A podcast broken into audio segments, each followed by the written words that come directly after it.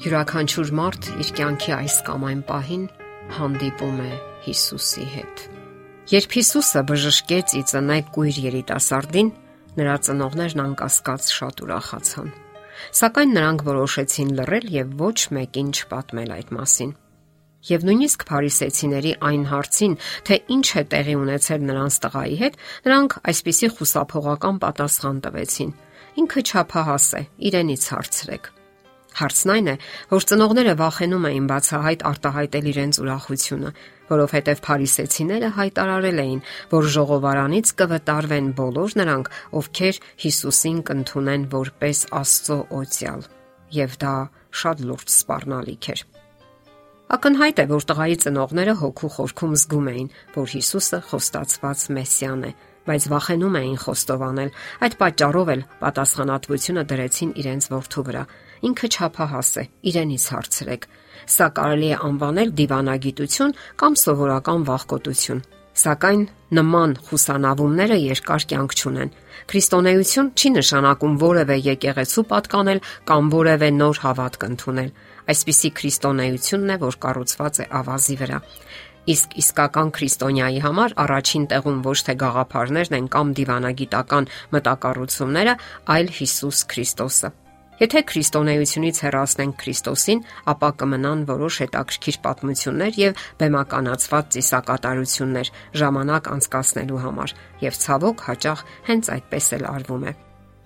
Ահա թե ինչու կարևոր է ողրել, որքանով ենք սիրում Հիսուսին եւ որքանով է նա իմաստ, նպատակ եւ ուղղություն հաղորդում մեր կյանքին։ Կարևոր է հասկանալ մի པարս ճշմարտություն, Քրիստոսը մեր կյանքում ոչ թե տեսություն է, այլ անznավորություն, մտերիմ, սիրող, հավատարիմ ընկեր։ Պետք է շփվել, ժամանակ անցկасնել նրա հետ, թույլ տալ, որ նա մասնակցի մեր կյանքի յուրաքանչյուր օրվան եւ յուրաքանչյուր իրադարձությանը։ Պետք է խոսել նրա հետ որպես ընկերոջ, բացել սիրտը, պատմել երազանքների, ծրագրերի, ուրախությունների ու վշտերի մասին։ Եթե զգում ենք, որ մեզ հետ անարդար են վարվել, չեն հասկացել մեզ, ամեն ինչ նրան պետք է պատմենք։ Թույլ տանք, որ Հիսուսը լինի ոչ միայն մեր փրկիչը, այլև մեր լավ ընկերը։ Միթե դու բավականություն չես զգում, երբ քայլում ես փողոցով քո լավ ընկերոջ հետ։ Իսկ միթե մարդկանց չես պատմի, որ դու մի լավ ու հրաշալի ընկեր ունես, բայց ահա կույր ծնված եւ բժշկված երիտասարդի ծնողները չպատմեցին ու չվկայեցին իրենց լավագույն ընկերոջ մասին, ով այնքան կարևոր փոփոխություն բերեց իրենց կյանք։ Իսկապես ցավալի է։ Նրանք կարող էին պատմել ու բացատրել ամեն ինչ, քանի որ հենց իրենց էր հայտնի այդ պատմության ողջ մանրամասները։ Սակայն վախեցան, քանի որ ճունեին այն անznական փորձառությունը, որ ուներ իրենց ворթին։ Իսկ նա առանց հապաղելու ասաց. Ես չգիտեմ, թե դուք ինչ եք մտածում այս մարդու մասին, բայց մի բան փաստ է, որ ես կույր եի եւ հիմա տեսնում եմ։ Իսկ դուք ձեր կենսական ճանապարհին հանդիպել եք արդյոք Հիսուսին։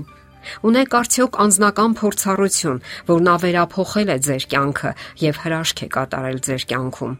Կարող եք մարդկանց պատմել Քրիստոսի հետ ունեցած ձեր փորձառության մասին։ Այս կյանքում ոչինչ հարատև չէ,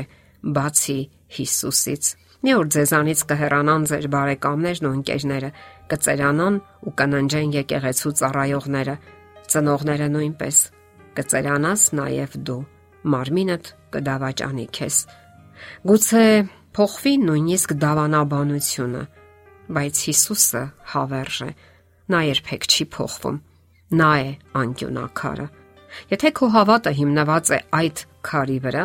ուրեմն քո փրկությունը երաշխավորված է։ Տոկիոյի գլխավոր հրապարակներից մեկում կանգնած է Բուդդայի հսկայական արձանը փակ աչքերով։ Ինքն իրեն գրկած Համարում են, որ այդ Աստվածը քնած չէ, այլ պարզապես խորհում է։ Իսկ ահա 121 Սաղմոսում մեր Աստծո մասին կարդում ենք. Ահա Իսրայելի պահապանը չի ննջի եւ չի քնի։ Մեր Աստվածը միշտ արթուն է, միշտ զգոն, միշտ բաց աչքերով։ Ուխտավորները, որ ամեն տարի Երուսաղեմ են գնում տոներին մասնակցելու, երգում են այդ սաղմոսը։ Այսօր Այն հայտնի է որպես ճանապարհորդների սաղմոս։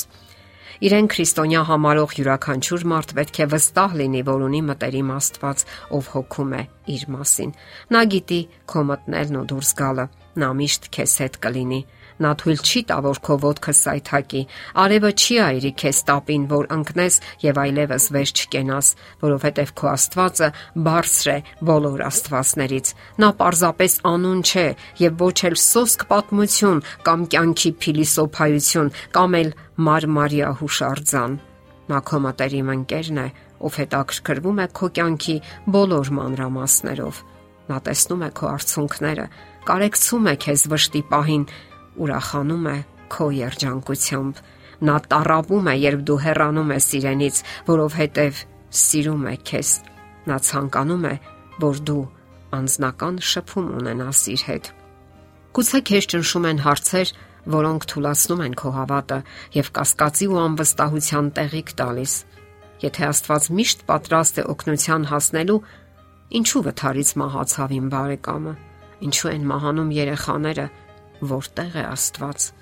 Եթե կասկածները pašարում են քեզ, հիշիր, որ Հիսուսն էլ տարապեց։ Նա մարդ դարձավ եւ մահացավ խաչի վրա, տանջալից մահով։ Մահից առաջ տարապանքների մեջ նա աղաղակեց իմ Աստված։ Ինչու թողեցիր ինձ։ Եկեք չկասկածենք Աստծո արդարությանը, նրա մեծությանը, նրա սիրուն։ Աստված միշտ կենթանի է, միշտ նրա աչքի առաջ ենք մենք չնմանվենք կույր երիտասարդի ծնողներին, որ վախեցան վկայել Քրիստոսի մասին եւ չեզոք պատասխան տվեցին։